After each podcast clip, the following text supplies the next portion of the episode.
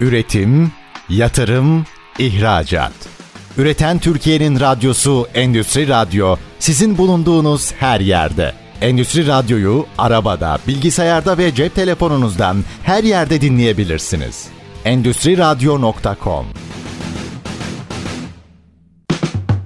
Çetin Ünsal'ın hazırlayıp sunduğu İşte Bunu Konuşalım programı başlıyor. İşte bunu konuşalımdan merhabalar. Türkiye'nin gerçek gündeminde birlikteyiz efendim. Türkiye'nin en eski geleneksel sektörlerinden biri ayakkabı. Bugün ayakkabıda dünya buluşmasını, İstanbul'da gerçekleşen dünya buluşması ve tabii onun üzerinden aslında bunun çıktılarının okumasını yapacağız. 7. Dünya Ayakkabı Kongresi 7-9 Kasım tarihlerinde Türkiye'de gerçekleşti. Tabii ki burada hem organizasyonun sektörün marka değeri açısından bir anlamı var. Onu biraz konuşmak lazım ama orada çok enteresan şeyler konuşuldu. Belki de ayakkabı sektörü üzerinden herkes kendi payına ve not defterine trendlerin nereye gittiğini okuyabileceği ifadelerle karşı karşıya karşıya kalacak. Kıymetli bir konuğumuz var bugün. Türkiye Ayakkabı Sanayicileri Derneği Başkanı Berke İçten. Bugün işte bunu konuşalımın konu. Sayın İçten hoş geldiniz. Hoş bulduk. İyi yayınlar diliyorum. Çok çok teşekkür ediyorum Üstadım. Kongreye geleceğim. Kongrenin özellikle orada anlatılanlara, konuşulanlara vesaire geleceğim ama biraz şunu konuşmak istiyorum. Uzun bir mücadeleydi bu. Yani evet. siz yıllardır aslında e, bu kongre Türkiye'de olsun diye uğraşıyorsunuz. E, niye önemliydi Dünya Ayakkabı Kongresi'nin burada olması? Buradan başlayalım. E, tabii ki sizin de bahsettiğiniz gibi biz daha önce 2015 yıllarında, 2014 yıllarında da Dünya Ayakkabı Kongresi'ni Türkiye'de yapmaya aday olmuştuk. E, 4 yılda bir yapılan bir organizasyon bir defa her şeyden önce. Küresel ölçekte tüm global markaların hemen hemen en üst düzeyde CEO seviyesinde insanların, profesyonellerinin katıldığı bir organizasyon. Normal olarak biz geleneksel fuarlarımızı organize ettiğimizde buraya genellikle satın alma görevlileri, satın alma ile ilgili profesyonel insanlar geliyor. Ama Dünya Ayakkabı Kongresi dediğimiz zaman sektörün geleceğine yön verildiği için burada karar alma mekanizmasında olan düzey yetkililerin katıldığı bir organizasyondu. Fikir öncüleri yani. Tabii yani e, ve kendilerinle ilgili, e, kendi firmalarındaki uygulamalarla ilgili ve gelecekte olması muhtemel konularla ilgili görüşlerini ve vizyonlarını sektörle paylaştıkları bir organizasyon olduğu için biz hem Türkiye'nin marka değerini yükseltebilmek, biz de bu alanda önemli bir oyuncu olduğumuzu dünyaya hissettirebilmek adına bu organizasyonu İstanbul'da yapma noktasında çok hevesli olduk, çok ısrarcı olduk. 2015 yılında da yine biz bu girişimi Türkiye'ye getirme noktasında önemli bir e, yol almıştık. Fakat o zamanlar hatırlayacak olursanız ülkemizde özellikle de büyük şehirlerimizdeki terör olayları, bombalamalar yüzünden karar verici mekanizmalar Avrupa'daki Ayakkabı Federasyonumuz dedi ki ya bu dönem gelmeyelim de bir sonraki dönem siz tekrar aday olursunuz dediler ve bizim yerimizde o zaman Napoli'de hı hı. organizasyon yapıldı. İtalya'nın Napoli gitmiş yani. Tabii İtalya'nın Napoli kentinde yapıldı. Ondan önceki kongremiz mesela Meksika'nın Leon kentinde olmuştu. Ondan önce Brezilya'da olmuştu.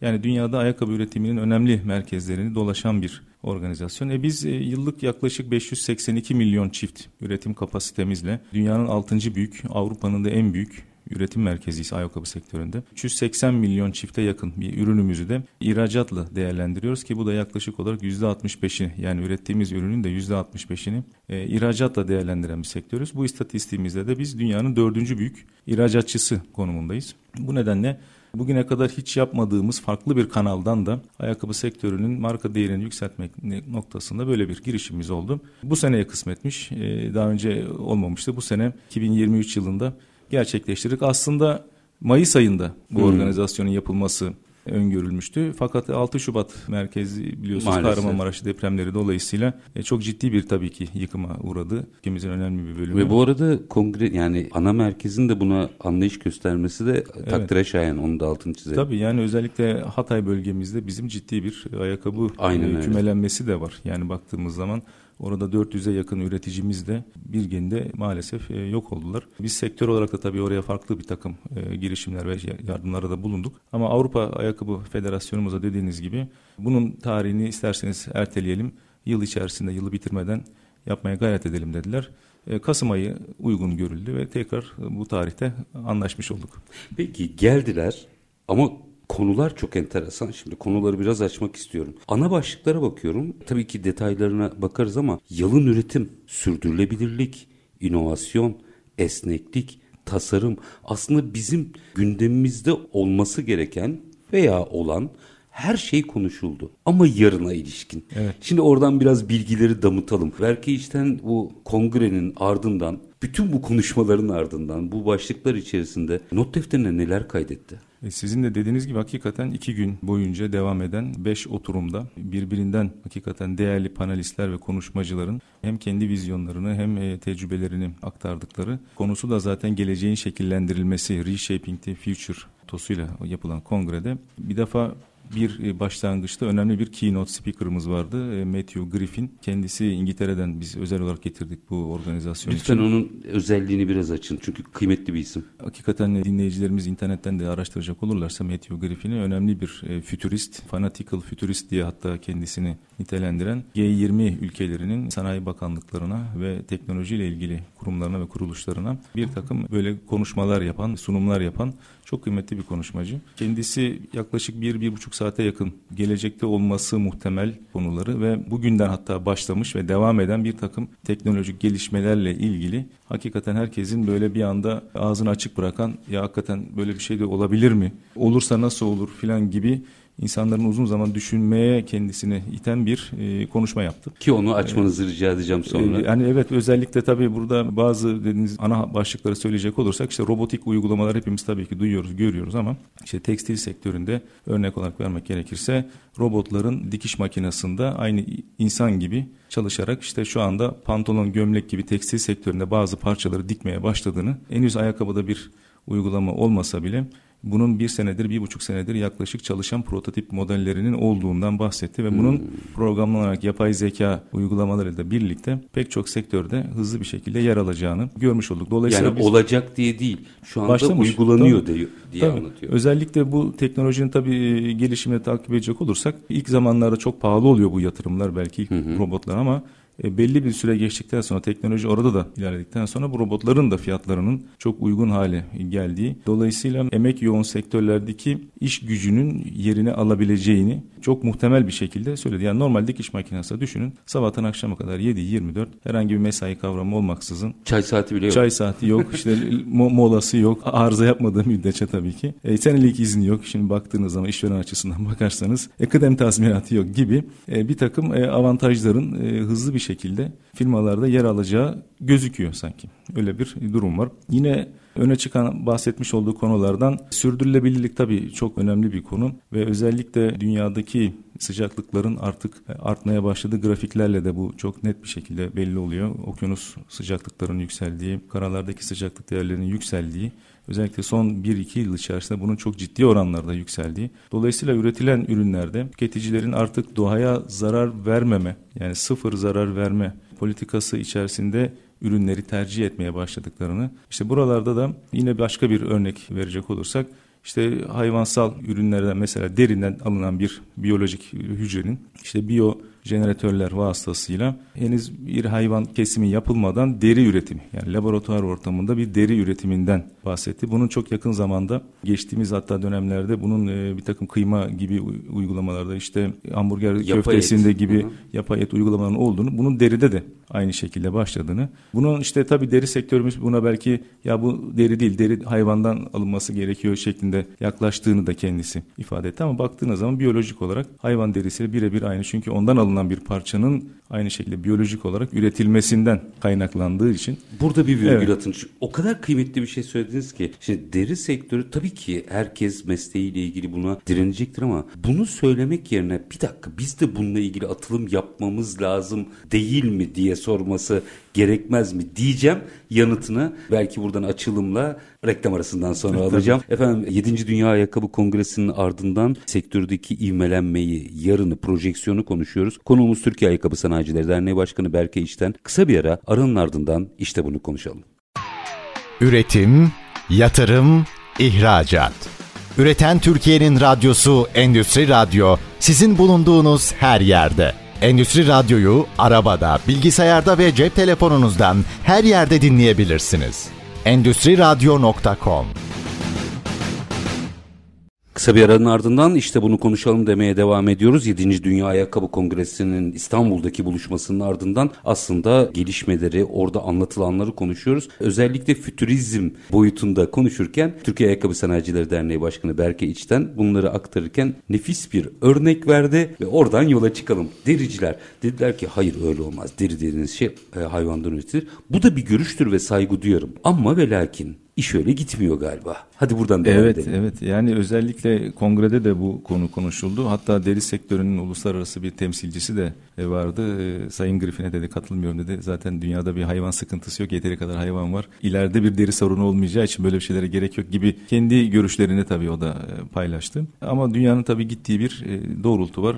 Aynı şekilde Bay Matthew Griffin buna sizin verdiğiniz örnekten yola çıkarak söyleyeceğim. Karbondan üretilen elmas hmm. örneğini verdi. Birebir e, aynı özellikleri gösterdiğini kendisi ifade etti. Buna da elmas firmalarının baştan çok itiraz ettiklerini, bu elmas değil elmas topraktan çıkması lazım, madenden çıkması lazım gibi baştan ayak dirediklerini ama bugün satılan, üretilen elmasların kendi ifadesine söylüyorum. Ben çok konuya hakim değilim elmas sektöründe olmadığım için. Kendi ifadesiyle bugün satılan elmasların özellikle meşhur hepimizin bildiği bir elmas firmasının sattığı ürünlerin %60'ının bu şekilde üretilen elmaslardan yapıldığını ifade etti. Hayata geçmiş yani. Geçmiş yani hem havadaki karbon emisyonun da yani havadaki karbonun e, bir şekilde elmasa dönüştürülmesi prosesinin için doğaya da saygılı sürdürülebilirlik anlamında da e, bir artı değer e, yarattı. Ayrıca bu o teknolojinin endüstriyel hale geldiğinin de kanıt. Demek ki herkes ulaşabiliyor ve buradan üretim yapabiliyor. Aynen. Bu bir örnek aslında. İşte zaten biraz önce bahsetmiş olduğumuz robot örneğinde de belki şu anda ulaşılabilir seviyede değil. Ama yarın öbür gün buradaki gelişmelerde bu tarz e, çalışan robotları, işçi robotlarında fabrikalarımızda çalışabileceğinin de önünü açıyor göstergesidir yani bunlar. Peki devam edelim. Başka neler anlattı Griffin? Yani burada tabii şimdi önemli bir konu yine üç boyutlu yazıcılarla fakat tabii daha farklı üç boyutlu yazıcılar, plazma tekniğinde çalışan üç boyutlu yazıcılarla bugün artık ayakkabı üretimlerinin yapıldığını Hatta ve hatta spor ayakkabı örnekleri verdi bolca. Dünyadaki önemli maratonlarda birincilik kazanan atletlerin %60 %70'e yakınının üç boyutlu bu tarz üç boyutlu yazıcılarla üretilmiş tabanlara sahip olduğunu. Çünkü hmm. bu tabanların normal geleneksel konvansiyonel tabanlarda olmayan bir takım farklı özelliklerinin olduğu, insandaki enerjiyi absorbe edip tekrar ona geriye verme gibi bir takım teknolojilerin de burada kullanıldığını dolayısıyla üç boyutlu yazıcılarla ayakkabı üretiminin komple yani sadece tabanı değil ayakkabının üst parçasının da üretildiği hatta hatta çok belki uç bir örnek gibi gelebilir ama bir mağazaya gideceksiniz ayağınızı tarayacaklar. Siz alışverişinizi yaparken beğenmiş olduğunuz model, renk kendi istediğiniz şekilde seçeceksiniz, sipariş vereceksiniz. Alışverişinizi bitirdiğinizde ayakkabı sizin ayağınıza göre birebir üretilmiş Orada. olarak oradan mağazadan alabileceksiniz. Kişiselleşmiş. Yani kişiselleşmiş bir şekilde ve mağazanın içerisinde üretilmiş bir ayakkabı ya doğru dünyanın gidebileceğini ihtimalini orada kendisi tabii ifade etmiş oldu. Teknoloji tabii dediğiniz gibi önemli bir noktaya doğru sektörleri götürüyor. Yani geleneksel iş yapma modellerini belki önümüzdeki yıllar içerisinde çok farklı bir noktaya doğru geleceğini de beraber göreceğiz. Ne kadarı bunların hayata geçecek, ne kadarı gerçekleşecek bunları da yaşayarak görmüş olacağız. Merak ettiğim ne biliyor musunuz? Buna döneriz yani tekrar orada neler anlatıldı ama bunları dinledikten sonra sektör de orada. Evet. Sonrasında kendi aramızda ne konuştunuz onu merak ediyorum. Ya tabii şimdi burada e, pek çok sektör temsilcimiz bu konuları Sayın Griffin anlatırken ya da diğer panelistler konuşurlarken hepimiz birbirimize bir bakıp biz acaba gelecekte iş yapma modellerimizde ya da geleneksel fabrika yöntemlerimizde ne gibi değişiklikler olacağız? Yani mağazanın içerisinde ayakkabı üretilecekse ayakkabı fabrikasına gerek olacak mı? Ya da robotlar makinalarda çalışıp ayakkabı üretecekse mesleki eğitimin durumu ne olacak? Yani biz e, tekrar usta, kalfa, çırak yetiştirmek için okullara bu sefer ihtiyacımız firmamız olacak mı gibi pek çok soruyu insan soruyor. Önemli e, firmalarımız takip etti kongreyi baştan sona kadar. Hatta kongreden sonra gelip çok teşekkür edip başkanım biz böyle bir kongre organizasyon gerçekten beklemiyorduk. Çok başarılı bir şey yapıldı ve dünyadaki bu gelişmelerden aslında bizim ne kadar uzakta olduğumuzu da görmüş olduk. Bu anlamda da bir bizim içimizde de bir uyanmanın tetiklendiğini de ben burada söyleyebilirim ki zaten bizim de maksadımız buydu, buydu zaten. zaten. Yani bu etkiyi hissettirebilmekti sektöre. Yani dünya gelsin bunu burada konuşsun. Konuşsun ve dünyanın nereye doğru gittiğini sektörümüzün mensupları da görsün ki buna şimdiden bir tedbir alma, önlem alma, bu teknolojinin, bu gelişmenin de gerisinde kalmamaları noktasında kendilerini geliştirebilsinler. Bu arada tabii ayakkabı sektörünün içinde farklı montuanda firmalar olmakla birlikte ağırlık orta büyüklükteki işletmelere tekabül ediyor. Kobi Kobi yani küçükler var bir de orta büyüklükte de. Yani aslında bir ihtiyaç daha var. Sanki orada açmanızı rica edeceğim. Belki kümelenmeler, belki birliktelikler, belki evlilikler bu tip teknolojilere geçiş için önümüzdeki süreçte tartışmamız gereken başlıklar değil mi? Tabii yani şimdi robotlardan ya da üç boyutlu yazıcıların ayakkabı uygulamasından bahsediyoruz. Bunu ayakkabı sektörü kendi başına yapabilmesi mümkün değil. Belki bizim teknoloji alanındaki sektörlerle bir işbirliği yapmamız lazım burada. Doğru. Yoksa o teknolojiyi üreten ülkelerden o teknolojiyi satın almak ve onların müsaade ettiği kadarını kullanabilmek durumunda kalırız. Bu da bizi farklı bir noktaya getirir. İşte hepimizin şahit olduğu bir İHA SİHA olayımız var bize yıllarca verilmeyen bir teknolojiydi. Biz kendimiz ülke olarak bunu ürettik. Aynı şekilde bu robotik uygulamalar, işte üç boyutlu yazıcılar ya da biyo jeneratörlerle yapılacak deri gibi uygulamaların bizim e, bir şekilde teknoloji şirketleriyle, teknolojik sektörlerle işbirliği halinde geliştiriyor olmamız da gerekiyor bir taraftan. Yani partnerlikler buraya doğru kaymalı. Ve evet. bu önemli bir vurguydu. Yine enteresan bir şey var. Şimdi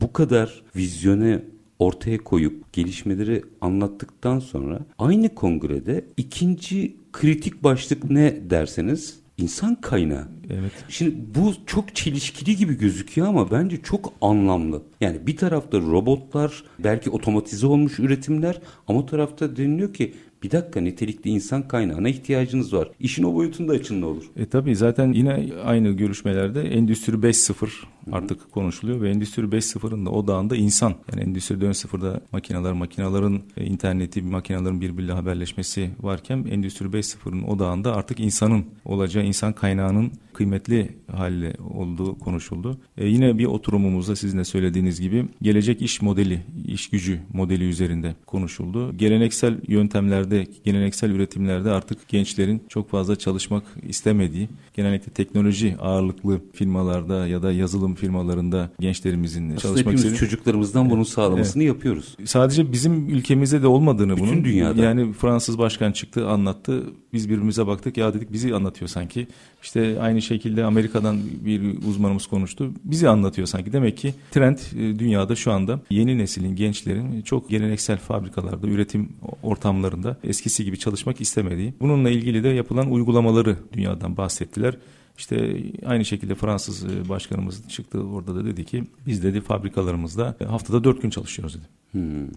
Cuma günleri çalışmıyoruz dedi. Tatil yapıyoruz. Daha çok sosyal aktivite yapıyoruz. İşte daha çok partiler düzenliyoruz. Gençleri burada canlı tutabilmek, onların sosyalleşebilmesini sağlamak adına daha farklı uygulama yapıyoruz. Fabrikalarımızı daha teknolojik fabrikalarmış gibi yapıyoruz. Görsel olarak daha geleneksel o hani gri fabrika ortamından çıkartıp daha renkli, daha açık renklerin, daha pastel tonların kullanıldığı. Yaşam alanı ee, haline. Evet, yaşam alanı haline fabrikayı getiriyoruz dedi. İşte öğlen tatillerini çok uzun tutuyoruz dedi. Günlük çalışma saatlerimizi kısaltıyoruz dedi. Ki gençleri bu şekilde çekmeyi başardık şu anda dediler. E, buna farklı tabii ülkelerden yine katkı sağlayanlar oldu, soru soranlar oldu. Dolayısıyla gençlerin ve eğitimin, mesleki eğitimin teknolojiyle de birleştirilerek yeni bir evreye doğru e, gittiğini buradan da görüyoruz. Yani evet robotlar belki teknolojik makineler hayatımıza girecek ama birilerinin de o makinalara da programlaması, işletmesi, onların arızalandığında da onun bir tamir, bakımı gibi konular olacak. Dolayısıyla belki gençlerimizi de ilerleyen dönemde biraz daha bu alanlara yönlendirmemiz gerekecek. Bizim sanki daha fazla yaratıcılığa yönelmiş bir insan kaynağı. Sektörünüzün eğitim kurumu da olduğu için evet, bunu tasarım. soruyorum. Hı hı. Sanki müfredatı buraya mı çevirmemiz gerekiyor? Yani tasarım yönü itibariyle evet e, ayakkabı sektörü zaten şu anda da tasarım noktasında yurt dışından ciddi anlamda destek alıyor. Dünyada da bu trendi sürükleyen, tasarımı belirleyen, trendleri belirleyen belli başlı firmalar var. Bunlardan esinlenilerek e, bir takım e, gelişmeler e, yapılıyor. Yine kongrede konuşulan ilginç bir konu burada yeri gelmişken onu da bahsedeyim tasarımla ilgili. Normal bir tasarım sürecinde işte tasarımcı işte kalemle, kağıtla veya bilgisayar ortamında bir işte önce taslak oluşturuyor. Daha sonra bunun düzeltmeleri yapılıyor. Bunların daha sonra ışık modelleri, stampaları çıkartılıyor ve bu tasarımın hayata geçmesi en azından en azından baktığınız zaman yeni bir tasarımdan bahsediyoruz. 6-7 ayı bulan bir sürece gidiyor. Bununla ilgili bir yapay zeka uygulamasından da kongrede bahsedildi. Hmm, tamamen yapay zeka ile tasarlanmış. Baştan sona yani hem tabanı hem üstü yapay zeka ile tasarlanıyor ve burada da tamamen 3 boyutlu yazıcıyla üretilebilecek bir şekilde tasarım yapılıyor. Ve bu tasarımın yapılıp hayata geçmesi sadece 2 saat alıyor. 6 aya 2 6 saat. aylık yani normal şartlarda 6 ay bir sürü denemeler yapılarak üretilen bir tasarımı yapay zeka uygulamasıyla 2 saatte yapıldığı örneği verildi. Özellikle A'dan Z'ye her şeyle de bir 3 boyutlu yazıcıyla üretilen ayakkabı olduğunu ve hatta o ayakkabının görsellerini de ekrana yansıttılar. Üretmişler üretilmiş, yani tabii, üretilmiş bir ayakkabı. Taban bölümünde öyle doğal e, nesnelerin işte ağaç gövdeleri gibi, ağaç e, dalları gibi bir tasarımın yapıldığı, hatta yapay zeka uygulamasına bunun neden böyle tasarlandığı sorulduğu, onun da verdiği cevap olarak işte burada insanların doğaya olan ihtiyacı, ayağının toprağa basma ihtiyacından yola çıkılarak ağaç gövdesi ve deseni şeklinde bir taban tasarımı yapıldığı şeklinde bir sunum yapıldı. Müthiş ama ürkütücü. Dediğiniz gibi teknoloji bu taraflara doğru, bu yönlere doğru e, gidiyor. Yine biraz önce de bahsettik işte maratonlarda kullanılan ayakkabılarda belli oranda bu tarz teknolojilerin de kullanıldığı, gelecekte bunlara daha fazla hepimizin muhatap olacağı anlaşılıyor. Bir araya gideceğim ama galiba bu sözlerinizden şunu anlıyorum. Ne olur aksini düşünüyorsanız açın. Yapay zeka ve bu teknolojiler herkes tarafından kullanılabilecekse demek ki orada o farklılığı yetiştirdiğiniz insan kaynağı yapacak. Yani evet. Yapay zekaya neyi yönlendireceğini bilen insan yapacak. Onu galiba. yönlendirmesi evet aynen doğru. Burada da bütün müfredat değişiyor. Gerçekten sadece bu tip uluslararası kongrelerin ülkemizde olmasının ne kadar önemli olduğu aslında şu anlattıklarınızdan belli. Çünkü belki Türkiye'nin en geleneksel sektörlerinden birinde ne kadar büyük ezberler bozulduğunu ortaya koymuşlar ve şimdi artık bizim sektör de bunu biliyor. E zaten kongrenin düzenlenme amacı buydu. Geleneksel iş yapma yöntemlerimizin içerisinde, günlük koşuşturmacalarımızın içerisinde kaçırdığımız e, pek çok gelişmeyi burada üreticilerimize, sektörümüze göstermeyi hedefliyorduk. Bunda da başarılı olduğumuzu düşünüyorum. Sonuçları da çünkü baktığımız zaman konuşmacılarla, panelistlerle ve diğer katılımcılarla görüştüğümüzde de bunu teyit ediyorlar. Açacağım. Yine merak ettiklerim var. Çünkü bazı oturumlarda öyle konuşmacılar var ki hani amiyane tabirle beş benzemez derler ya. Bütün rakipler sanki aynı oturuma oturmuş. Onların ne konuştuklarını çok merak ediyorum ama minik bir ara. Aranın ardından Türkiye Ayakkabı Sanayicileri Derneği Başkanı Berke İşten'le işte bunu konuşalım diyeceğiz. Lütfen bizden ayrılmayın. Üretim, yatırım, ihracat. Üreten Türkiye'nin radyosu Endüstri Radyo sizin bulunduğunuz her yerde. Endüstri Radyo'yu arabada, bilgisayarda ve cep telefonunuzdan her yerde dinleyebilirsiniz. Endüstri Radyo.com Kısa bir aranın ardından işte bunu konuşalım devam ediyor. Konuğumuz Türkiye Ayakkabı Sanayicileri Derneği Başkanı Berke İçten. 7. Dünya Ayakkabı Kongresi İstanbul'da gerçekleşen kongrenin ardından aslında o kongredeki notları, çıktıları konuşuyoruz. Şimdi Sayın İçten oturumlar birçok oturum var ama oturumun bir tanesi benim çok ilgimi çekti. Tüketicilerin taleplerini anlamak başlığı. Profesör Doktor Erhan Aslanoğlu'nun modere ettiği. Şimdi burada konuşmacılara bakıyorum. Bir İspanyol, bir İtalyan, bir Çin, iki Türk fıkra gibi ama, ama bunların hepsi neredeyse rakip. Burada hem de söz konusu olan tüketicinin talebini anlamak başlığı olduğunda ne konuşuldu çok merak ediyorum açıkçası. E tabi burada gelecekteki tüketicinin düşünce yapısını hatta bugünden başlayarak gelecekteki tüketicinin düşünce yapısının nerelere evrilebileceği ve bununla ilgili de sizin de bahsettiğiniz gibi o fıkraya konu olabilecek. Aslında onların her biri kendi alanında, kendi ülkesinde marka söylemek istemediğim için söylemiyorum. Devler. Ee, Dev firmalar. Görüyorum burada. İki tane Türk'ün biri Türkiye'de önemli bir parakende zinciri. Diğer Türk'te dünya çapındaki önemli bir internet Pazar satış- yeri. Pazar yerinin Türkiye bölge sorumlusu. Dolayısıyla burada tüketicinin özellikle bütün hemen hemen konuşmacılarımızın ortak e, buluştuğu nokta özellikle bu pandemi sonrası daha da hızlanan işte gezegene zarar vermeden sürdürülebilir sıfır atık gibi konular. Özellikle burada önemli bir konu da tabii ortaya çıktı. Yaklaşık yılda 24 milyar çift ayakkabı üretimi söz konusu dünyada. Müthiş bir rakam. Bu 24 milyar çift ayakkabının tekstil, hazır giyim, konfeksiyon sektörlerini düşünecek olursanız ayakkabı bunun içerisinde aslında çok küçük bir parça. Yani bütün tekstil üretimini, hazır giyim ve konfeksiyon üretimini de değerlendirecek olursanız ayakkabı burada çok pastada küçük bir dilim olmasına rağmen 24 milyar çift gibi bir üretimden bahsediyoruz. Bir ayakkabı birkaç farklı elbiseyle veya şeyle giyilebiliyor. Mantık da o aslında. Ve burada dünya çapındaki geri dönüşüm tesisleri incelendiğinde profesyonel işte ticari şirketler, kamu kurumlarındaki geri dönüşüm tesisleri incelendiğinde sadece 1 milyar çifte yakın bir ayakkabının geri dönüşüm tesislerinden tekrar döngüsel ekonomiye katıldığı. Dolayısıyla 22-23 milyar çift ayakkabının nerede olduğu her yıl üretilen tam olarak bilinmediği bir çok enteresan ee, ve çok büyük bir açık. Yani orada gidecek çok yol var demektir. Yani şu anda tabii tüm firmalar hemen hemen bu noktada bir çalışma içerisinde olduklarını buna yönelik yani kolay dönüştürülebilir. Şimdi ayakkabı dediğimiz malzeme bir tişört gibi değil. Tişörtü geri dönüştürmek belki daha kolay olabilir ama ayakkabıda pek çok komponent bir arada. Hem esnek olacak hem rahat olacak hem tabanı sert olacak. Ayağınız taşla geldiğinde acımayacak. Pek çok malzemeyi dolayısıyla bir kompozit malzemedir aslında ayakkabı. Dolayısıyla bunun geri dönüşümü de öyle çok kolay olmayabiliyor. Pek çok farklı malzemenin ayrıştırılması gerekiyor. İşte burada yine teknoloji devreye giriyor. Çok kolay ve hızlı bir şekilde çözülebilen, dağılabilen, açılabilen ve parçalara ayrılabilen ayakkabıların önümüzdeki dönemde hayatımıza gireceğini özellikle yapıştırıcı teknolojilerinde hmm.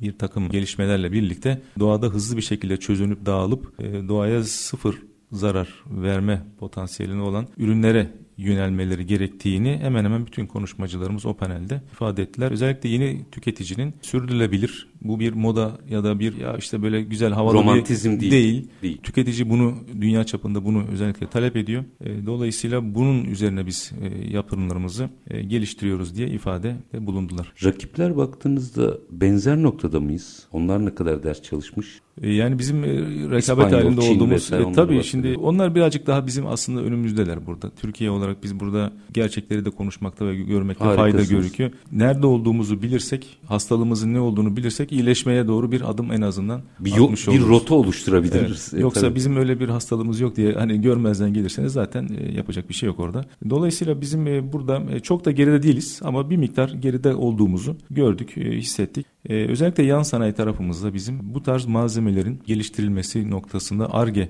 çalışmalarına ciddi anlamda ihtiyaç olduğunu söyleyebiliyoruz. Yan sanayi sektörümüzün burada biraz daha kendisini geliştirmeye ihtiyacı var. Bir örnek tekrar vereyim. Fransa'da Fransız başkanımızın söylediği konuşmasında satılan ayakkabı, tekstil, hazır giyim, konfeksiyon ürünlerinden artık bir geri dönüşüm vergisi Fransız hükümeti bu ürünleri satan firmalara diyor ki ben bu ürünün geri dönüştürülmesiyle ilgili ciddi masraf yapıyorum, harcama yapıyorum. Dolayısıyla bu ürünü siz sattığınız için bunun şeyine siz katlanacaksınız. Çevre vergisi gibi, gibi. normalde. Ee, Enteresan bu. Ve bunun oranlarının da diyor belli bir periyot içerisinde yükseleceğini yani 10 katına kadar şu anda atıyorum yani 0.02 sent dolaylarındayken 2 sene sonra diyor 0.2 sent olacak. Bir sonraki dönemde diyor 1 eurolara kadar diyor 2 eurolara kadar diyor gelecek bu geri dönüşüm vergisi diyor. Şu anda başladı bu diyor Fransa'da diyor. E diğer sektörlerimizle ilgili de örnekler verdiler. İşte Amerika Birleşik Devletleri'ndeki temsilcimiz başka kendi ülkesindeki uygulamalardan örnekler verdi. Özellikle bir noktayı kendisi burada bir anekdot olarak da yine anlatayım. Amerika Birleşik Devletleri'ne yapılan ihracatlarda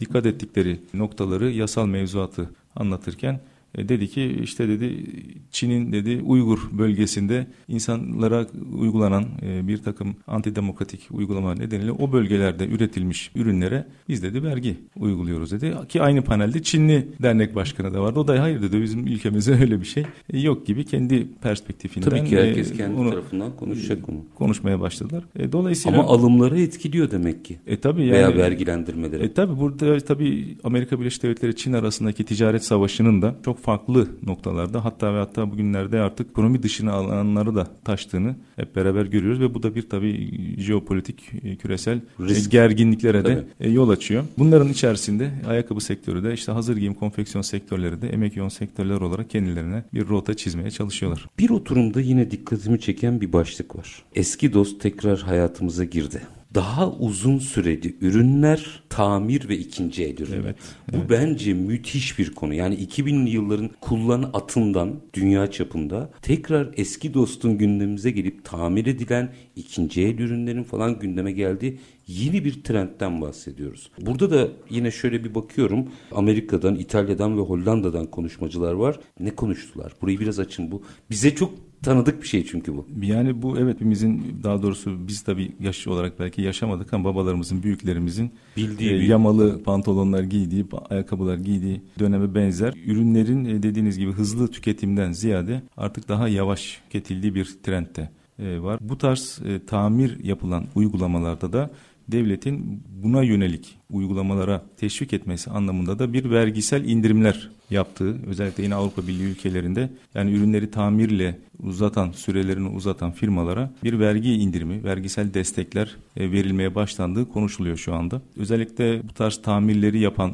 kişilere de devletin ekstradan bunu teşvik edebilmek için bir destek verdiği yani tamir atölyesi ayakkabınızı götürüyorsunuz tamir ettiriyorsunuz onun bir bedeli var ama devlet de orayı sübvanse etmek için o tamir işini gören kişilere de bir e, kaynak aktarıyor şu anda o sistemi de yapabilmek için. Daha bu tabii çok yeni yani bunu bir, bir senedir duyuyoruz biz başka Avrupa toplantılarında da duyduk ama henüz net uygulamanın yapılmaya başlandığına daha kendimiz şahit olmadık. Şimdi fırsat da burada değil mi? Yani şimdi mesela ne dedik demin proseslerde üretim proseslerinde üzerinde birçok şey işte robotiğe gidecek vesaire vesaire. Burası belki de teşbihte hata olmazmış. Satış sonrası hizmet diyebileceğimiz yepyeni bir kulvar çıkmıyor mu aslında sektörün E, tabii yine dediğiniz gibi burada robotik uygulamanın dışında el emeğinin tabii. yani geleneksel e, yöntemin de yaşama kendisine bir alan bulduğu önemli bir nokta olacak tabii ki bu da. Ve bunlar muhtemelen çok katma değerli işler olacak.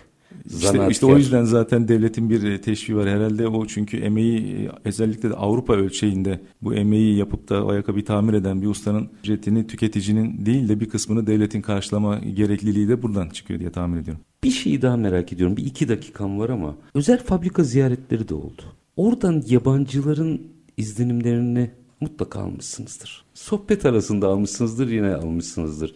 Yabancılar bizim özel fabrika ziyaretlerinin ardından nasıl bir kanaate kapıldılar? Biz özellikle bu kongrede Çetin Bey hep markalaşmayı konuşuruz. İşte kendimizden niye ülkemizden bir marka çıkmıyor? Biz niye marka çıkartamıyoruz sektörlerde diye zaman zaman konuşuruz. Zaman zaman televizyonlarda bazen uzmanlar bunu da dile getirirler. Yani sadece ayakkabı sektöründe değil yani diğer Her sektörlerimizde de biz kolay kolay marka çıkarabilen bir ülke değiliz. Burada iki tane tabii önemli nokta bence var. Biri ülkenin marka olması. Made in Türkiye'nin bir çok fark e, eder. marka olması e, işi kolaylaştırır. İkincisi de o ülke içerisindeki, sektör içerisindeki 30 yıllık, 40 yıllık, 50 yıllık birikimi olan firmaların ön plana bir şekilde ya sektörü tarafından ya da devlet eliyle çıkartılarak onların markalaştırılması süreçlerin bence yaşanması lazım. Biz de burada kendi adımıza bu kongrede ikinci bir amaç olarak düşündüğümüz konuda Türkiye'nin önemli markalarını hem panelist olarak insanların karşısına çıkartalım. Dünya vitrini orası çünkü herkes kendilerini izlesin hem kendilerini anlatma orada imkanı bulsunlar. Hem de daha sonra fabrika ziyaretleri yapıldığında ki bu tesislerinden bir tanesine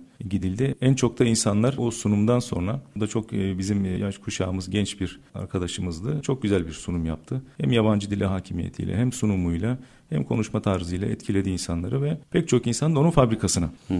gitmek istediler. E, dolayısıyla bir yerde de bizim bir başka maksadımız da e, gerçekleşmiş oldu. O fabrikadan çok etkilendiklerini, iş yapma şekillerinden etkilendiklerini söylediler. Notlarını aldılar, kart alışverişi yaptılar. İşte başka türlü imkanlarla belki bir ticaret e, bağı kurdular. Onun yanı sıra çok önemli bir e, klasik ayakkabı üreticimize götürdük. Evet klasik ayakkabı üretimi İtalya'da da aynı, İspanya'da da aynı. Hani robotik bir teknoloji yok şu anda henüz. Tabii. Dolayısıyla oraya giden firmalara dediler ki evet dediler ya bu hakikaten çok kaliteli ayakkabı. Evet ayakkabı fabrikası aynı İtalya'daki gibi, İspanya'daki gibiydi. Kaliteli ürünler yapıyordu. E fiyatları tabii ki İspanya'ya ve İtalya'ya göre rekabetçi. O anlamda da bir artı değer yarattık. Bir de spor ayakkabı üretimi yapan global bir markanın bugün Türkiye'de artık günde 7 bin çifte varan bir kapasiteye ulaştılar ki bizim 2014 yılından beri siz ayakkabı sektörünü çok yakından takip ediyorsunuz. Bu süreçleri de aslında biliyorsunuz. Size buradan tekrar sektörümüz adına da teşekkür ediyoruz. 2014'te ithal ayakkabıya getirilen koruma önlemlerinin bir uzantısı olarak da ayakkabı sektöründe global bazı markalar Türkiye'de üretim yapmaya başladılar ki bizim zaten arzu ettiğimiz bir süreçti bu.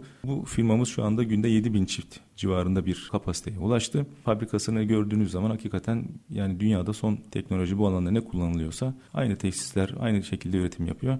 Hatta yaklaşık 6 milyon çifte yakın bir ürünü de buradan tekrar üreterek Avrupa Birliği ülkelerine de ihraç etmesi önümüzdeki günlerde söz konusu. Bir başka yine global markamız Türkiye'de üretim yapma noktasına geldiler. Bu da bizim için sevindirici bir gelişme. Dolayısıyla bu tarz gelişmeleri gördükçe biz de sektör olarak e, mutlu oluyoruz. 2014 yılını hatırlayacak olursanız o zaman ayakkabı sektörümüz eksi 350 milyon dolar civarında bir dış ticaret açığı veren pozisyondaydı. Bizim derneğimizin yoğun girişimleri, ben de o zaman dernekte ikinci başkanlık görevindeydim. Çalışmaların hep içerisindeydik. Devletimizin de burada doğru bilgi yani STK'ların devlete doğru bilgi vermek gibi bir yükümlülüğü var. Projeksiyonu güzel anlatma yükümlülüğü var.